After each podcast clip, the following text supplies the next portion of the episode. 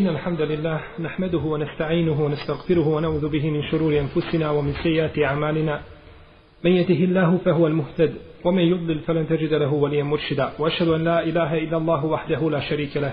وأشهد أن محمدا عبده ونبيه ورسوله وصفيه من خلقه وخليله. أدى الأمانة وبلغ رسالة ونصح الأمة وكشف الله تعالى به الغمة. وجاهد في الله حق جهاده حتى يتاه اليقين. يا أيها الذين آمنوا اتقوا الله حق تقاته ولا تموتن إلا وأنتم مسلمون.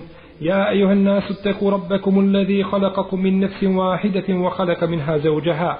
وبث منهما رجالا كثيرا ونساء. واتقوا الله الذي تساءلون به والأرحام. إن الله كان عليكم رقيبا. يا أيها الذين آمنوا اتقوا الله وقولوا قولا سديدا. يصلح لكم أعمالكم ويغفر لكم ذنوبكم. ومن يطع الله ورسوله فقد فاز فوزا عظيما. أما بعد فإن أحسن الكلام كلام الله وخير الهدي هدي محمد صلى الله عليه وسلم وشر الأمور محدثاتها وكل محدثة بدعة وكل بدعة ضلالة وكل ضلالة في النار Govorili smo, draga moja braća, u našem zadnjem predavanju o opasnosti razgoličavanja u sklopu serije predavanja vezanog za šerijatsku islamsku žensku nošnju. Pa smo kazali kolika je, kolika je pogrda razgoličavanja i kakvi su šerijatsko pravni dokazi koji ukazuju na pogrdnost i na opasnost ovoga čina. Pa smo spominjali da čovjek koji kada se oda nemoralu, a koji je već jedan put bio oženjen, ili je oženjen, takav zaslužuje kaznu da bude kamenovan sve do svoje smrti. Biva udaran kamenjem sve do svoje smrti. Dok čovjek koji je momak, znači nije oženjen, ako počini taj čin nemorala, onda njemu pripada kazna bićevanje sa stotinu bićeva i da bude prognan jednu godinu iz mjesta boravka. I u vezi toga smo spomenuli hadis Ebu Hureyde koga je zabilježio imam Buharija i Muslim u svojim vjerozostojnim hadiskim zbirkama. Dakle, ovaj čin nemoral na njegovu opasnost i na grijeh onoga ko to počini ukazuje sama kazna. Sama kazna. Jer ako je uzvišen Allah te barak je otala propisao da čovjek bude kamenovan do svoje smrti onda je to u istinu veliki grije pogledajte samo Majza ibn Malika toga poznatog ashaba radijallahu anhu koji kada je počinio grijeh došao je kod poslanika sallallahu alaihi wasallam i rekao mu Allahov poslaniće kaže očisti me ja sam počinio veliki grije. Očisti me, o Allahov poslaniće. Pa je poslanik sallallahu alaihi wasallam nakon što je to majz četiri puta ponovio, pitao ga je poslanik alaihi salatu wasallam, da li si ti učinio tako i tako? Da li si postupio tako i tako? Hoće poslanik tačno da provjeri da se je desio čin nemorala. Jer neće samo osamostaljivanje sa ženom, niti dodir žene, neće biti, neće biti, znači, a, tretirano kao sam čin nemorala. Pa ga je poslanik sallallahu alejhi ve selleme ovdje htio provjeriti i htio je da ispita da li je on uistinu počinio nemoral. Pa kada se poslanik alejhi salatu ve selam uvjerio da se desio čin nemorala, onda je poslanik sallallahu alejhi ve selleme naredio da se majz kamenuje. Da se kamenuje. Kaže Džabir radijallahu anhu, kamenovali smo ga, kaže, Pa kada je osjetio tegobu i kada je osjetio kamenje po svojoj koži i tu bolnu kaznu i toliko se prepao, kaže da je pobjegao. Počeo je, kaže, bježati od te, od te kazne. Kaže Džabir, pa smo ga stigli. Pa smo ga stigli, pa smo ga kamenovali. I bio sam, kaže, od onih koji su ga kamenovali, kaže, kamenovali smo ga sve dok nije, sve dok nije umro.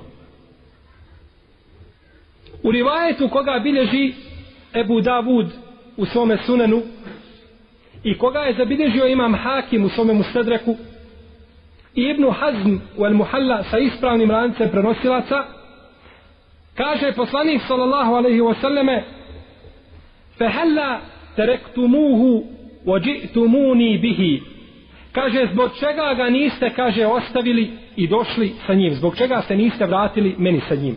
Zbog čega mi ga niste ponovo doveli? Ovaj, znači, postupak i ovaj hadis ukazuje na jednu jako bitnu stvar. A to je da kada se desi da čovjek prizna da je učinio nemoral, prizna znači da je učinio čin nemorala, i nakon toga tokom izvršenja šerijatske kazne porekne to sam sebe ulažu tjera, takav se ostavlja i neće se nad takvim izvršiti šerijatska kazna. Neće se izvršiti šerijatska kazna jer ovdje postoji jer ovdje postoji jedna šubha, jedna sumnja zbog koje se zbog koje se ne može nastaviti zbog koje se ne može nastaviti izvršenje same šerijatske kazne.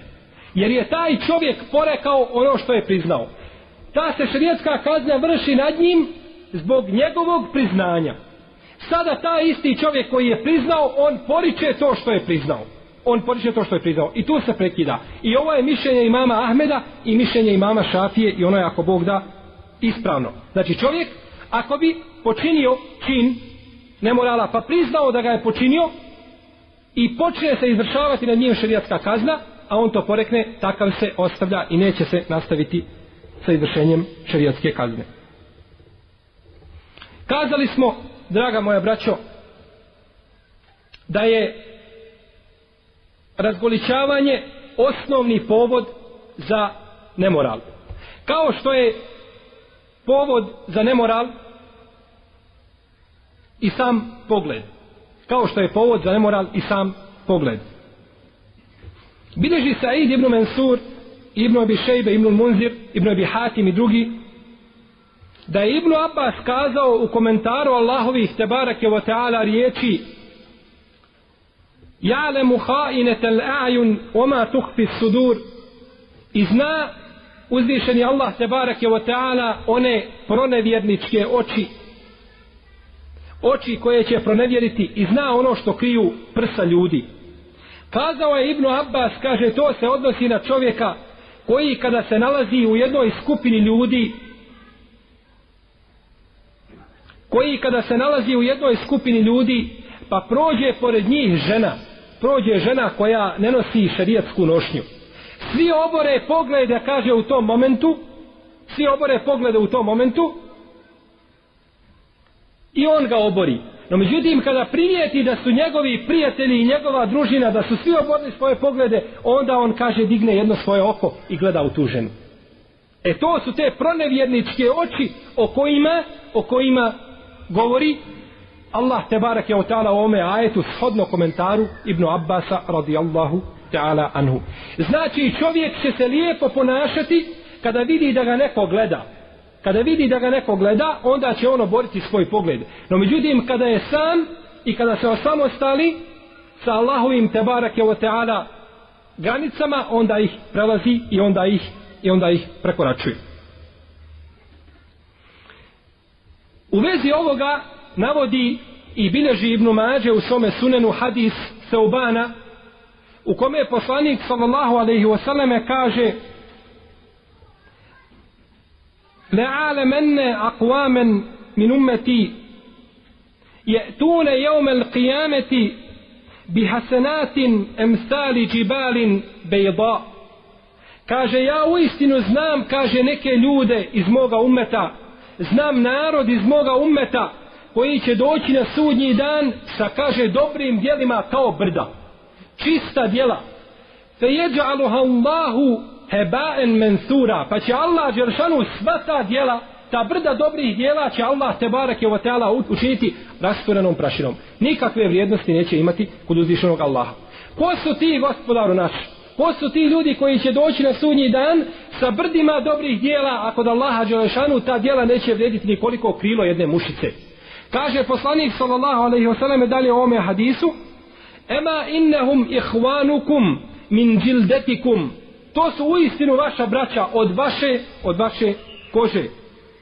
Je huzune mine lejdi kemate huzun oni kaže obavljaju noćni namaz kao i vi što obavljate kako vi obavljate noćni namaz tako ga i oni na isti način obavljaju pobožnjaci Walakinnahum qaumun idha halau bi meharimillah intehekuha. No međutim to su ljudi koji kada se približe Allahovim tebarake o teala granicama i osamostale se, onda prelaze preko tih granica. On je dobar dok ga ljudi gledaju i dok ga ljudi vide. No međutim, kada se ljudi osamostale, odnosno kada se ono samostali od ljudi, tada se tada se prekoračuju te granice i ne pazi se na te granice. Znači, takav se stidi, takav se stidi ljudi, a ne stidi se uzvišenog Allaha, te barake o. Jer čovjek, braćo, kada mu prorade njegove šehvete i njegovi prohtjevi, on tada biva poput hajvana, poput životinje, ode njegov razum, kako kaže Ibn Abbas. Kada prorade njegovi prohtjevi, nestane njegovog razuma. Tada su prohtjevi nadvladali razum i tada čini sve ono što zahtjevaju njegovi prohtjevi. Kaže Ammar ibn Jasir radijallahu ta'ala anhu, sreo sam Aliju na pijaci, a on isukao svoju sablju i žurno hoda. Pa sam ga upitao kuda si krenuo. Kaže, poslao me poslanik sallallahu alaihi wasallam da ubijem čovjeka koji je općio sa svojom majkom.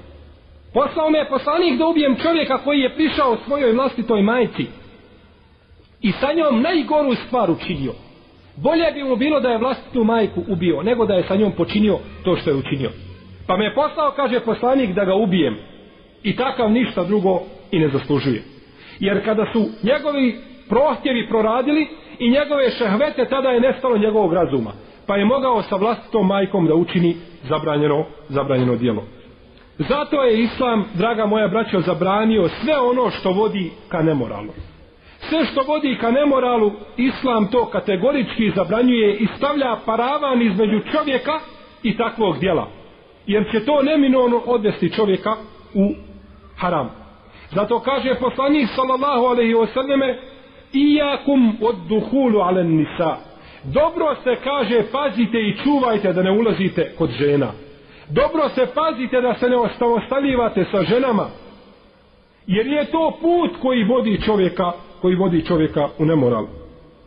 Zato su neki učenjaci govorili, kaže, možeš mene, možeš meni povjeriti doline zlata. Doline zlata možeš mi povjeriti ja ću to sačuvati. Ali mi kaže, nemoj povjeriti jednu staru oronulu crnkinju. To mi nemoj povjeriti. Jer je to žena čovjek će biti spreman da vrati taj imetak i taj emanet koji mu je povjeren, ali neće biti spreman da se osamostali i sa jednom oronulom crnkinjom, a da mu šeitan ne dođe sa vesvesama. Kud je kamo većim nego što će mu doći u pogledu zlata koje čuva.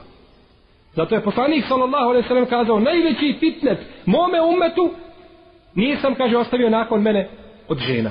Najveći fitne za čovjeka jeste žena. I zato islam kategorički gleda na ove ovako kategorički i kritički gleda jeli, na ove na ove stvari. Pa su upitali poslanika sallallahu alejhi ve sellem Allahov poslanice a rajte hamu ja Rasulullah šta misliš o hamu o Allahov poslanice šta misliš o hamu koji se osamostali sa ženom a hamu je po konsensusu lingvističara to su bližnji od muža osim njegovih sinova i njegovog oca kako kaže šehol Islam ibn Tejmije u svome dijelu Minhađu Sunne.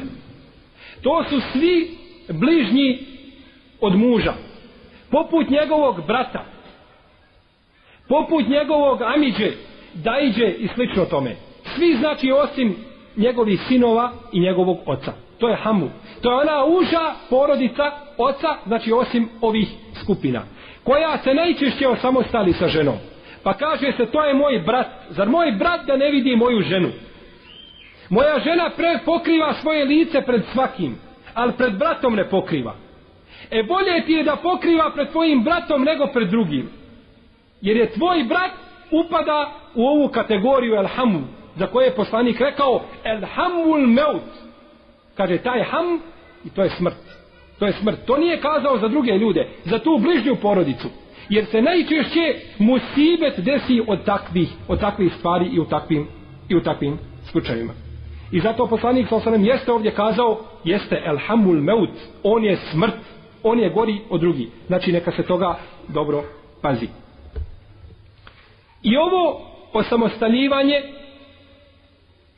ovdje se ne pravi braćo razlika između starog čovjeka i mladog čovjeka. Između stare žene i mlade žene. Neko će kazati dozvoljeno je ženi da se rukuje sa starim čovjekom. Ako je star čovjek, dozvoljeno je da se rukuje s njim. To nije tačno. To mišljenje nema apsolutno nikakve potvrdljene u kitabu ni u sunnetu, nego naprotiv imaju dokazi koji ukazuju suprotno tome. Kaže poslanik sallallahu alejhi ve selleme u hadisu koga je zabilježio ima Muslim i Nesai u svome sunenu Salasetun la yukallimuhum Allahu yawm al-qiyamati wa la yuzakkihim wa la yanzuru ilayhim wa lahum azabun alim. Tri skupine ljudi Allah dželešanu neće na sudnjem danu ni pogledati. Neće ih očistiti i neće sa njima razgovarati i njima bolna patnja pripada. Tri skupine ljudi. Prva skupina koju je poslanik sallallahu alejhi ve selleme spomenuo ovdje kaže šejhun zani. Star čovjek šejh koji čini nemoral i koji je nemoralan. Star čovjek. Zbog čega braćo starom čovjeku pripada posebna kazna? Starom čovjeku zbog čega mu pripada posebna kazna? Starom nemoralniku. Jer star čovjek koji je nemoralan, on nema nikakve potrebe za nemoralnom. Star čovjek oronuo, kosti njegove, što naš narod kaže, sa jednom nogom u grob kročio, u mezar već ušao i nakon toga čini nalog. On nema potrebe za tim. E zbog toga pripada mu bolna kazna. Jer se može desiti mladom čovjeku da ga šeitan prevari, pa da počini nemoral. I pripada mu kazna ali on ima potrebu za ženom, no međutim star čovjek nema. E zbog to, toga što to čini taj starac, ima tako bolnu, bolnu kaznu i patnju. Druga skupina koji je ovdje, poslanik sa osrem spomenuo, kaže u omelikun kezdab, u omelikun kezdab i kralj vladar koji je lažov. Kralj vladar koji je lažov. Čovjek vlada jednim društvom, sve ima u svojim rukama, to su imperatori. Sve što ima narod, to je njegovo. Može činiti šta hoće. Pa zbog čega laže? Čovjek laže kada želi da sebi priušti neko dobro. Ili da odvrati od sebe neko zlo. Ali ta...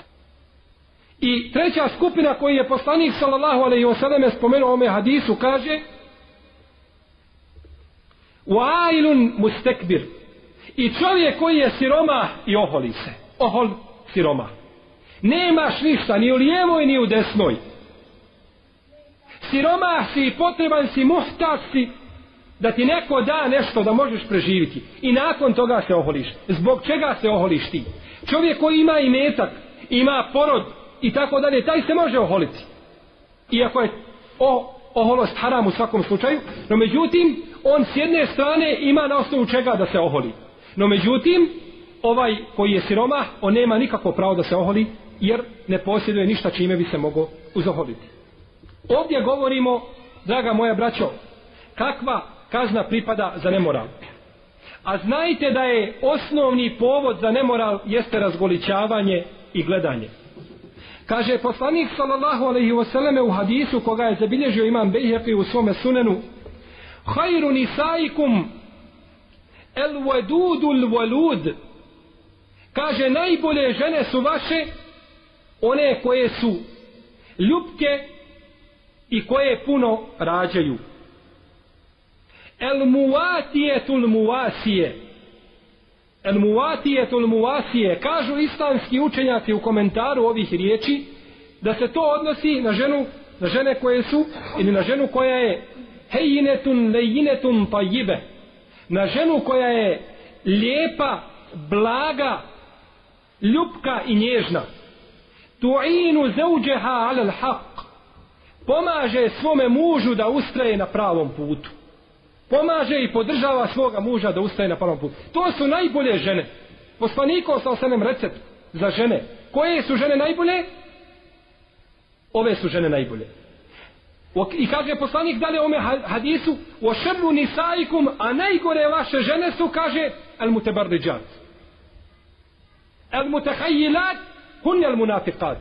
Najgore žene su vaše, el mutebarriđat, koje su otkrivene. koje su razgoličene, koja na ulicu iziđe onakva kakva boravi pred svojim mužem u svojoj kući. Nimalo se ne stidi ni Allaha Đelšanu ni ljudi. Iziđe, otkrivena. El mutahajilat ohola. Hunel munafikat. To su prave licemjerke. To su prave licemjerke. Jer je ona prekršila a, zakon koga je Allah te barake o tala uspostavio na ovoj zemlji. A to je da žene moraju biti na ulici i da moraju biti pred strancima pokrivene. Kaže poslanik sallallahu alaihi wasallame Ida haređet imroetun bizinetiha džahet jeumel qijameti vulmeten sauda la nure fiha kaže kada žena iziđe na ulicu u svojim zinetima i u svojim ukrasima šerijatski neobučena našminkana, naasfaltirana iziđe takva na ulicu doći će na sudnji dan crna potamljena nema u njoj svjetla. I doći će na sudnji dan bez svjetla. Kaže imam neovi u komentaru ovoga hadisa, doći će, kaže, pred Allaha Đelšanu na sudnji dan bez svjetla, kada Allah Đelšanu drugim ljudima učini svjetlo. Kada Allah te barake o teala drugim ljudima učini svjetlo. Zar nije Allah Azza wa Jalla kazao Nuruhum jesa bejne idihim obje imanihim Jekulune Rabbena etmim lena nurana Vogfir lena Inneke ala kulli šein qadir njihovo svjetlo ide ispred njih i sa njihovih desnih strana. Zamislite kakva je to počast vjernicima. Na sudnji dan dođeš kada su ljudi u tami, kada ne vide kuda idu, ti imaš ispred sebe svjetlo i sa svoje desne strane imaš svjetlo. Jekulune rabbena etmim lena nurena, govore gospodaru naš, upotpuni nama ovo naše svjetlo. Daj da bude još jače i još veće. Uogfir lena i oprosti nam, ti si u istinu svemoćan.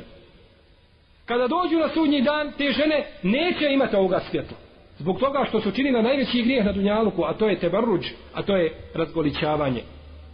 I bideži El Mervozi, imam El Mervozi, da je poslanik sallallahu alaihi wa sallam rekao, ja ću, zna, kaže, znati sljedbenike, moje sljedbenike na sudnjem danu, znaću ih po svjetlu koje budem vidio od njih. No međutim u lancu prenoslata ovoga hadisa ima Ibnu Lehija, ali misli koji je imao loše pamćenje. Poremetilo mu se pamćenje nakon što je izgorila njegova biblioteka hadijskih zbirki. U svakom slučaju, i pored slabosti ovoga hadisa, a svi drugi šarijetsko pravni dokazi ukazuju na njegovu utemeljenost i na njegovu, na ispravnost njegovog značenja preciznije rečeno. Draga moja braća, žena kada iziđe napolje otkrivena, tada je Allahovu sržbu protiv sebe izazvala. No međutim ne izaziva se sržba samo protiv žene, nego se sržba izaziva i protiv njenog muža, koji je njen velijul amr, njen velija i njen, njen skrbnik i on je odgovoran, on je odgovoran za nju.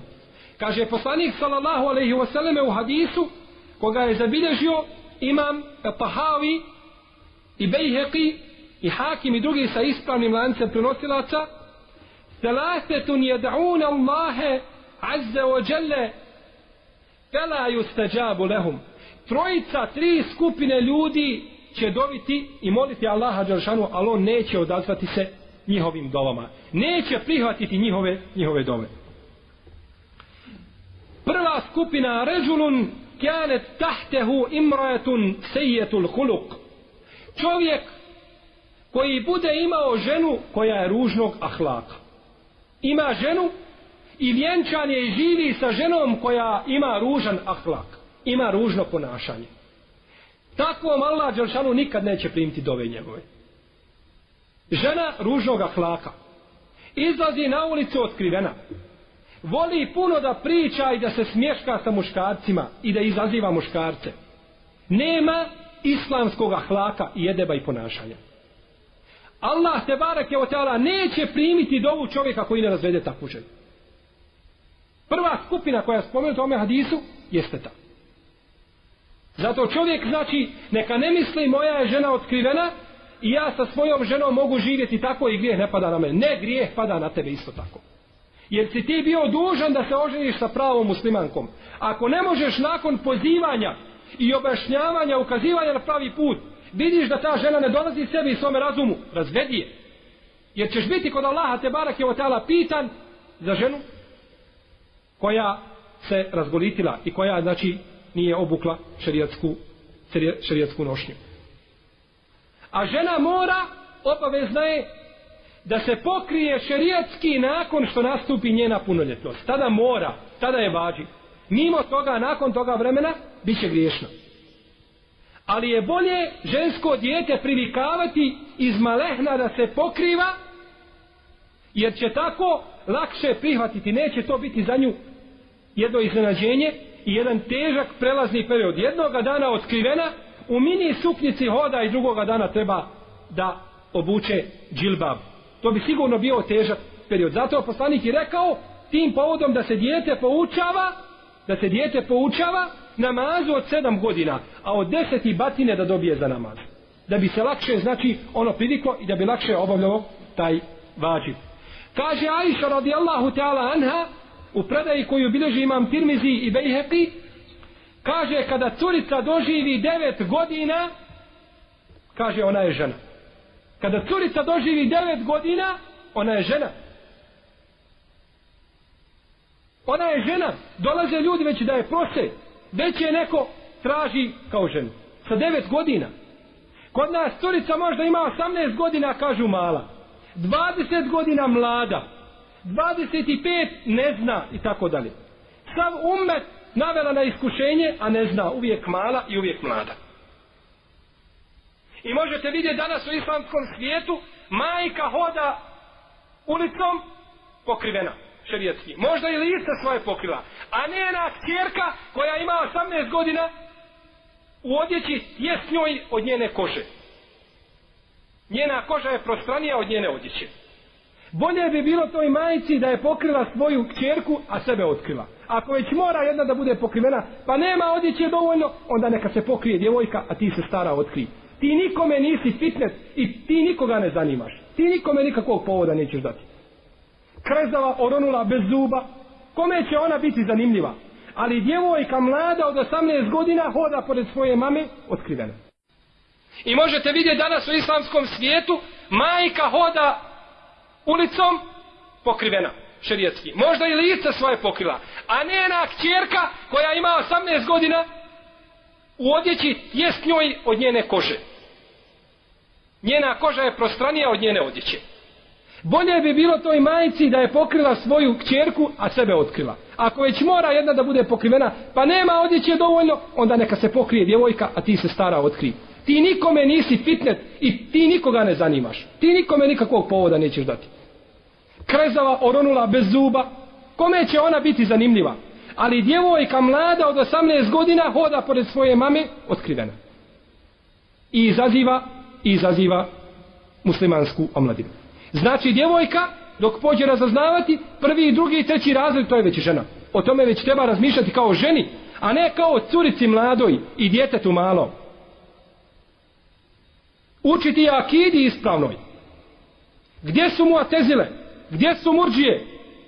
Gdje su haridžije? Gdje su džebrije? U vatri. Gdje je ahlu sunnet? U džennetu. Gdje je tebaruđi otkrivanje u vatri? Gdje je hijab u džennetu i tako? Akid je ispravno poučiti iz malehna. Odma u tim godinama. Jer kada dijete odraste, braćo, ne vrijedi i tada više govoriti. Tada ti više ne možeš promijeniti.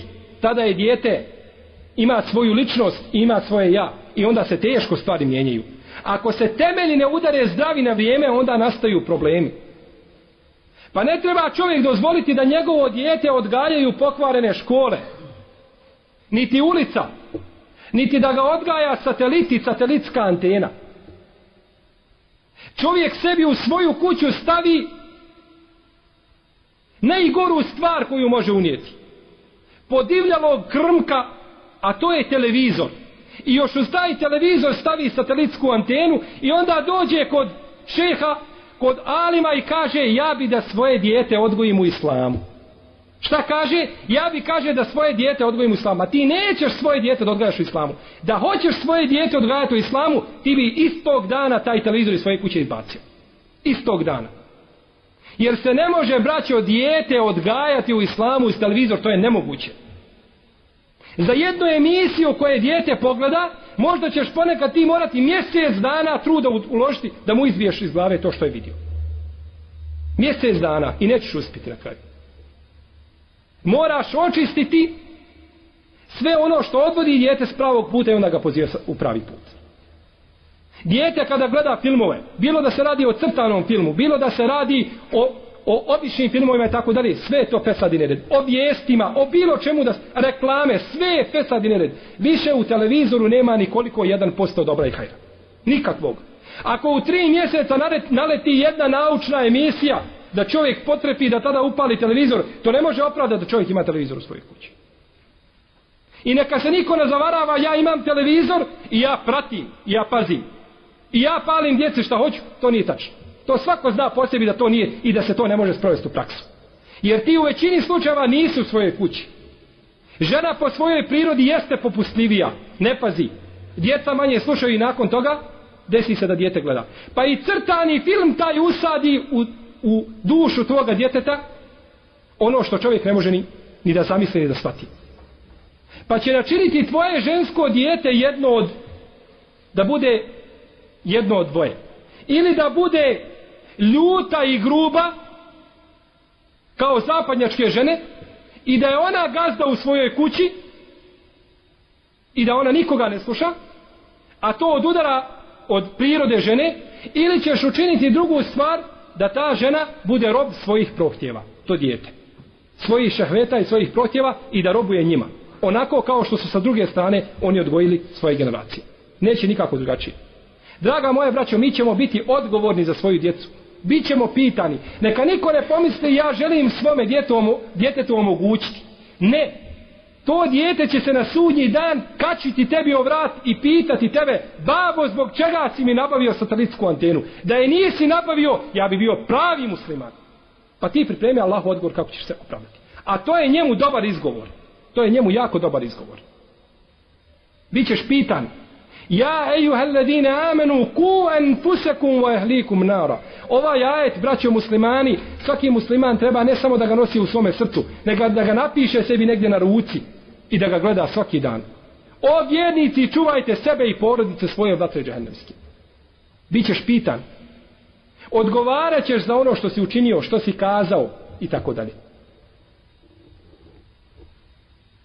Jer, braćo, bilo bi prava propast da čovjek živi na ome svijetu i vlada se po Allahovim dželšanu propisima i nastoji da zadovolji svoga gospodara i nakon toga skonča u vatri džahennemskoj. To bila prava propast. Nije tolika propast za onoga ko se naslađuje dunjalukom.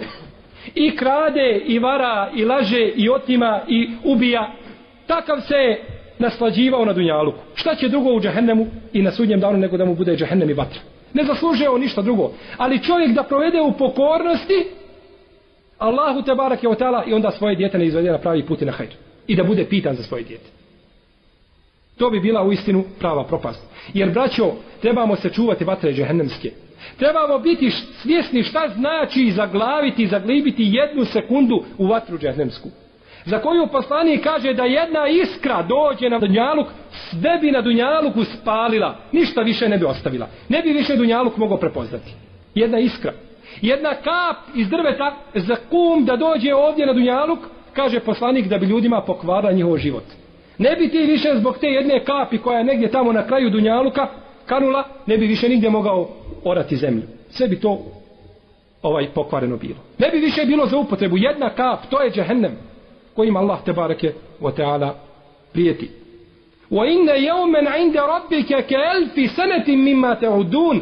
A jedan dan kod tvoga gospodara traje kao hiljadu godina kako vi računate. Hiljadu godina. Kaže poslanik sallallahu alejhi ve sellem u hadisu koga je zabilježio ima Ahmed Kaže čovjek će na sudnjem danu moliti Allaha dželešanu i dozivati ga u džehennemu vikati Ja Hananu ja Mennan doziva Allaha dželešanu njegovim lijepim imenima hiljadu godina tek nakon hiljadu godina će ga Allah upitati šta želiš. Hiljadu godina gori i nakon hiljadu godina kaže šta želiš. Samo pitanje. Pa će poslati Allah te bareke o teala Džibrila da izvadi toga vat, roba iz vatre. Pa će Džibril otići i tražiti ga po džehennemu, a džehennem je velik. Nije džehennem sobičak mali, džehennem je toliki da nebesa i zemlja mogu sastati u taj džehennem. Kaže poslanik sallallahu alaihi wasallam u predaji koju bilježi imam Tahavi u muškilu Lasar, kaže sunce i mjesec će biti u džehennemu kao dvije male loptice, kao dva klikera. U džehennemu, sunca i mjesec. Kao pogrda, ne kao kazna suncu i mjesecu, nego kao pogrda onima koji su obožavali sunce i mjesec. Da vidi da su njima božanstva završao u džehennemu. Jer su to Allahova te barake od tela stvorenja. Biće u džehennemu kao dvije male kuglice koje mi gledamo ovdje na Dunjaluku. Kada bismo mi iz kosmosa pogledali dvije male kuglice na Dunjaluku, imaju li one ikakvu vrijednost ili veličinu, veličinu na Dunjaluku? Nikakvu. E tako će sunce i mjesec, sunce koje je od zemlje veće nekoliko stotina hiljada puta, tako će ono izgledati u džehennemu. Pa će Allah te barak je oteala postati Džibrila da traži ovoga roba. Pa će ga Džibril ale i selam tražiti pa ga neće moći naći. Veliki je džehennem iza Džibrila, ne može ga naći. Pa će kazati Allah te barek tala, idi on je na tom i tom mjestu. Pa će ga izvesti iz džehennema i dovesti ga pred Allaha te barek oteala. Pa će kazati mu Allah uzvišen i azze robe moj, kako si našao džehennem? Kako ti izgleda džehennem? Kaže gospodaru moj, najgore što može biti. Kakvo je tvoje mjesto? Najgore što može biti, nema goreg mjesta. Pa će reći Allah te barek je tala, ruddu abdi. Kaže, vratite ga u džehennem ponovo. Pa će taj rob kazati, gospodaru moj, ja rob, ma kuntu arđu ida ahređteni minha enteruddeni fiha. Gospodaru moj, nisam, kaže, očekivao da ćeš me ti izvaditi iz džehennema pa da ćeš me ponovo vratiti. Nisam očekivao da ćeš me izvaditi pa da ćeš me ponovo vratiti. A kaže šta si ti to očekivao? Kaže očekivao sam ako me izvadiš iz džahennema da me nikada više nećeš u njega vratiti. Pa će reći uzvišeni te barak je ta'ala pustite moga roba. Pustite moga roba. Ovaj hadis praćo je zabilježio imam Ahmed i imam Ebu Jala i Tabarani, no međutim njegov lanac prenosilaca nije ispravan. Njegov lanac prenosilaca nije ispravan. No međutim bilježi imam El Ađurri od Hasana el Basrija da je kazao čovjek će kaže boraviti u džehennemu hiljadu godina hiljadu godina će kaže čovjek boraviti u džehennemu pa će ga Allah Žeršanu izvaditi iz džehennema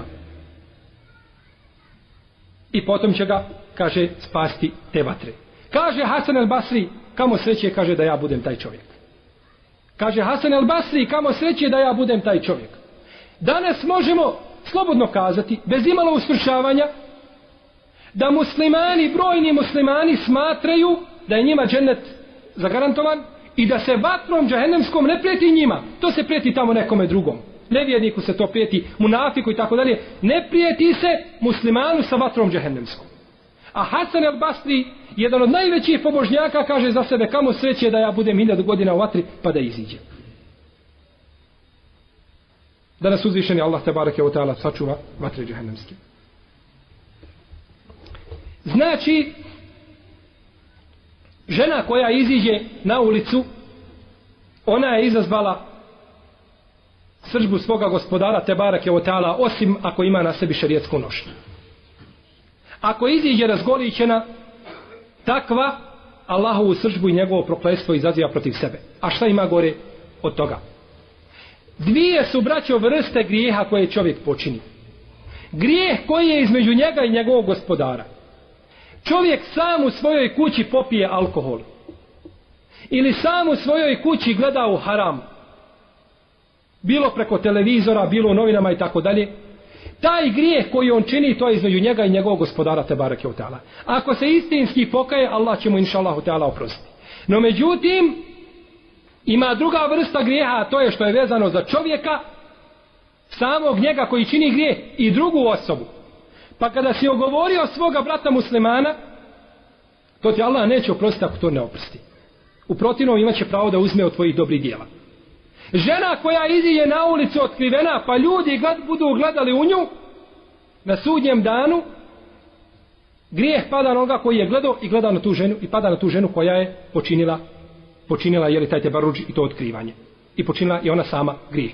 Jer je ona bila uzrokom da se počini da se počini taj grijeh. I neće Allah te barake o teala njoj oprostiti dok je ovaj rob koji je počinio grijeh ne oprosti znači njen grijeh ne, ne čini se ne, ne, ne dotiče se same nje već prelazi i na već prelazi i na druge ljude. Jer braćo kada čovjek gleda u otkrivenu ženu to je kako kaže poslanik strela od šeitanskih strela. Kada gleda u otkrivenu ženu kaže Ibnu Abbas to su kaže strele koje se kaže zabadaju ljudsko srce i ne može ih ništa drugo odvojiti od ljudskog srca do učenja Kur'ana samo Kur'an može popraviti jeli te strele koje su se jeli, zaustavile u njegovom srcu i na kraju draga moja braćo spomenut ću vam hadis koga je zabilježio imam muslim Tirmizi Ebu Dawud, Tabarani i drugi od Džabira radijallahu anhu da je poslanik sallallahu alaihi wasallam rekao kada žena iziđe na ulicu i kada prilazi, ona prilazi u, u slici šeitana.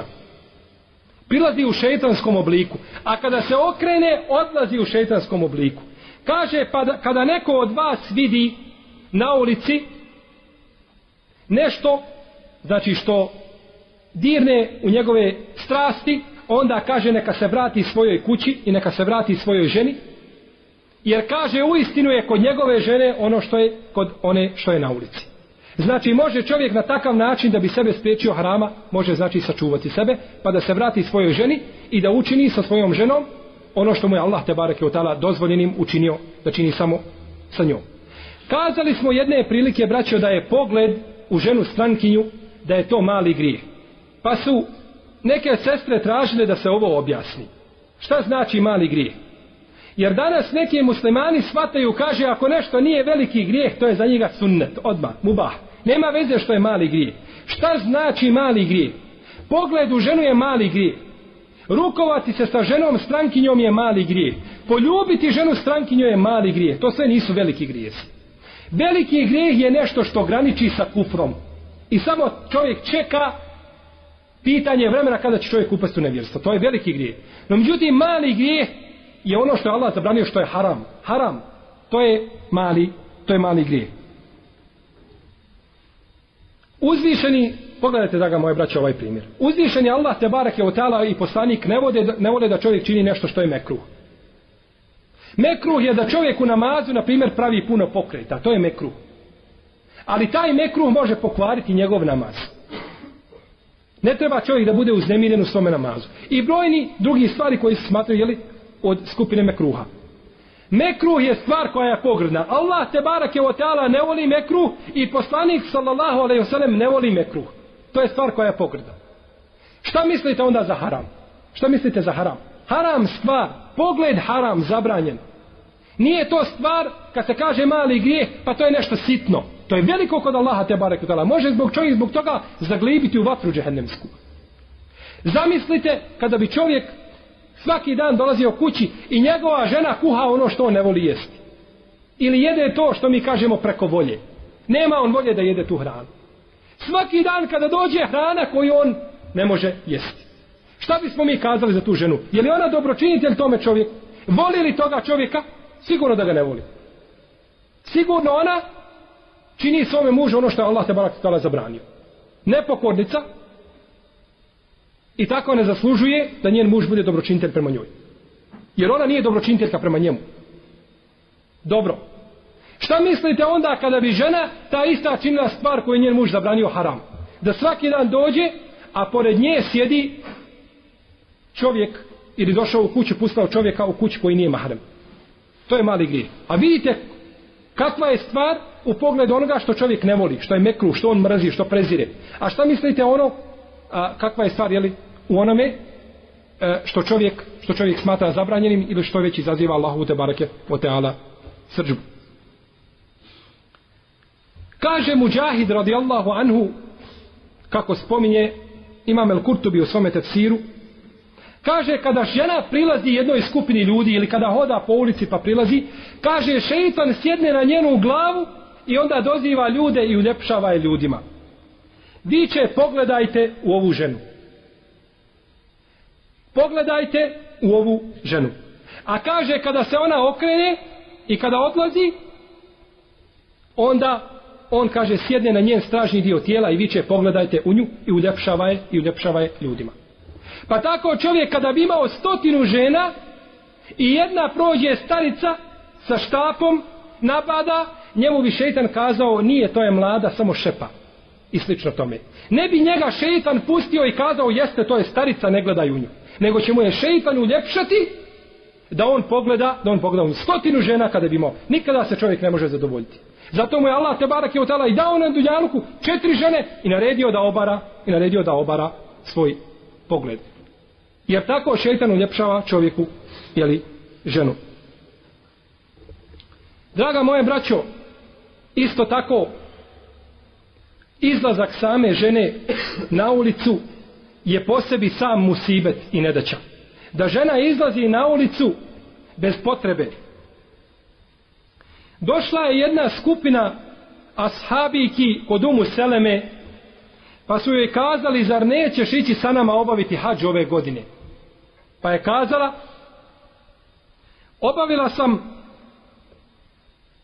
hađ sa poslanikom sallallahu alaihi wasallam i umru. I tako mi Allaha kaže neću ići sa vama na hađ. Allah te barak je o teala kaže u karne ti bujuti kun i boravite u svojim kućama. Pa je ostala u svojoj kući boraviti cijelu godinu dana sve dok nije umrila. Nije htjela izići na hađ sa muslimankama kao majka vjernika, već je boravila u svojoj kući godinu dana sve dok nije, sve dok nije preselila. Jedne prilike Aisha radijallahu ta'ala anha je nakon smrti našeg poslanika sallallahu alaihi sallame boravila u svojoj kući šest mjeseci. Nije izlazila nikako iz svoje kuće. Šest mjeseci. Danas muslimanka ako se strpi šest sati da ne iziđe, to je uspjeh. Ova šest mjeseci naša majka vjernika boravi u svojoj kući i ne izlazi iz nje. Kada je izišla vidio je Ammar ibn Jasir pa je kazao Ja umma, o majko moja u fi bujuti kun kaže Allah je rekao i boravite u svojim kućama. Kaže pa je toliko plakala dok nije cijeli svoj himar i onaj pokrivač glave i lica dok to nije sve natopila suzama. Toliko je plakala. Nakon šest mjeseci izlaska iz svoje, iz svoje kuće. A prenosi se od Fatime Bintu Nasr, kako spominje imam Ibnu Kesir u svome dijelu El Bidajevo Nihaje, poslušajte, draga moja braća, ovo. A ovo posebno vrijedi za sestre da poslušaju i da razmisle samo o ome. Dovoljno će biti da razmisle. Kaže ova Fatima, nisam izišla iz svoje kuće, u stvari kažu, taj ravija Hadisa kaže, nije izišla iz svoje kuće, kaže osim tri puta. Tri puta je samo u svome životu izišla iz svoje kuće. Prvi put kada se udavala mora izići svoje kuće da ode do muževe kuće. Drugi put kada je obavljala hađ, mora obaviti hađ. I treći put na nosilima. Kada su je ponijeli da je zakopaju mezar. Tri puta je samo izišla u svome životu i svoje kuće. Pogledajte kakva je to brižnost žene i kakvo je to čuvanje njene ženstvenosti.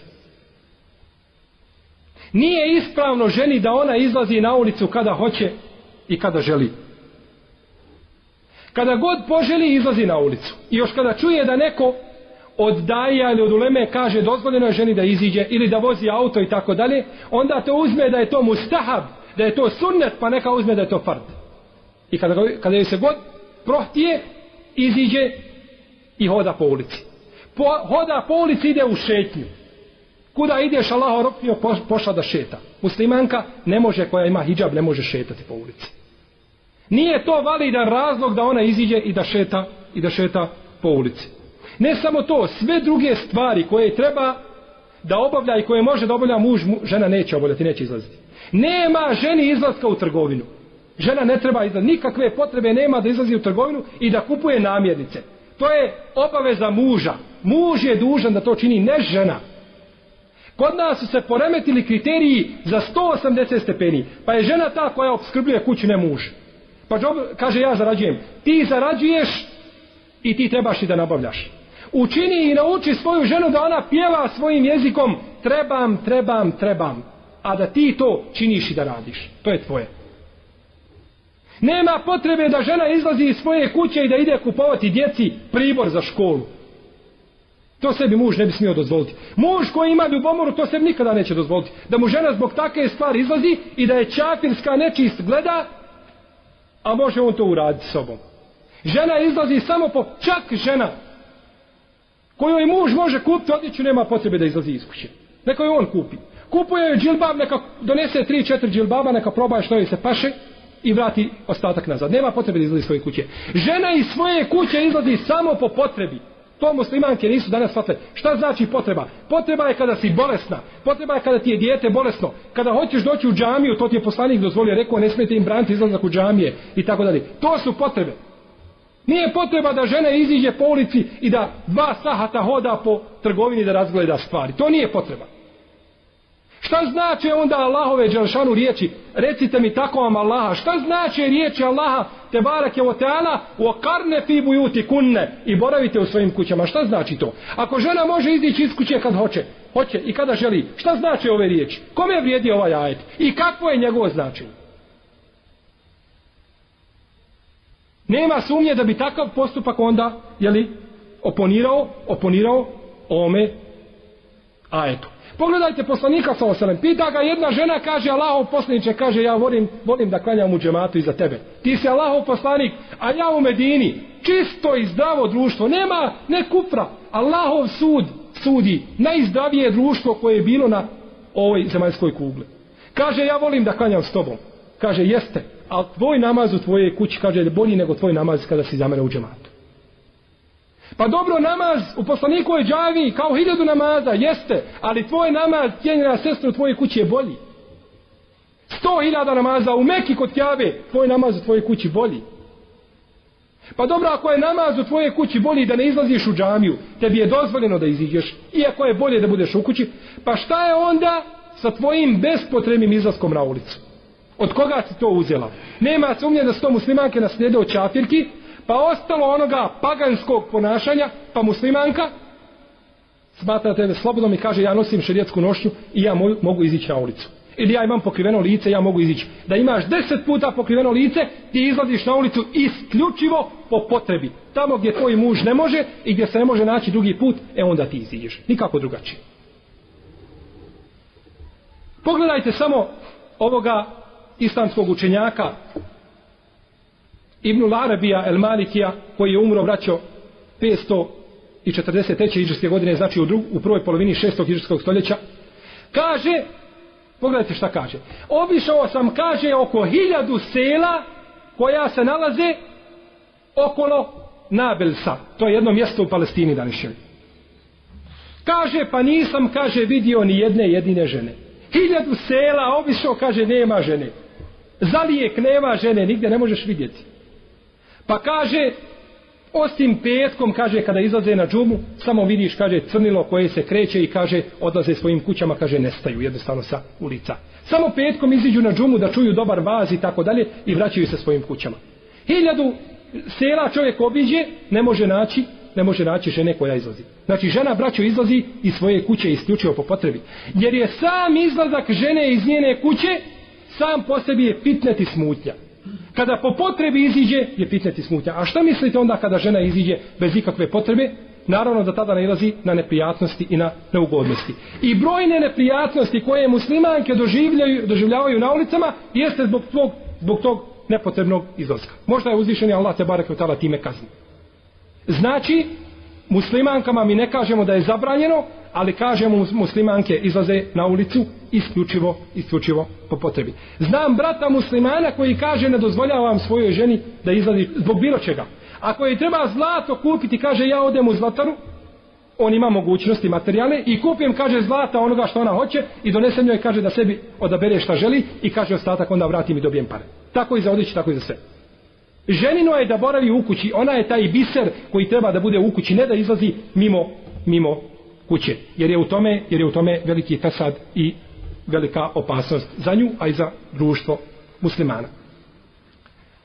Draga moja braćo, o opasnosti otkrivanja i razgoličavanja nastavit ćemo govoriti u našem narednom predavanju za Allahu te barake otala pomoć, no međutim neće se zaustaviti, znači i neće se nećemo se ograničiti samo na to, već ćemo početi, počet ćemo znači već sa spominjanjem onih šarijatskih uvjeta, bar da spomenemo jedan od tih uvjeta, koji su vezani za ženski hijab i za žensku šarijatsku nošnju.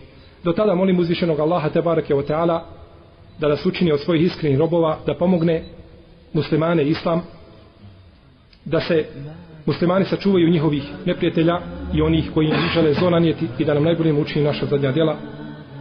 وصلى اللهم على نبينا محمد وعلى آله وصحبه أجمعين وجزاكم الله خير الجزاء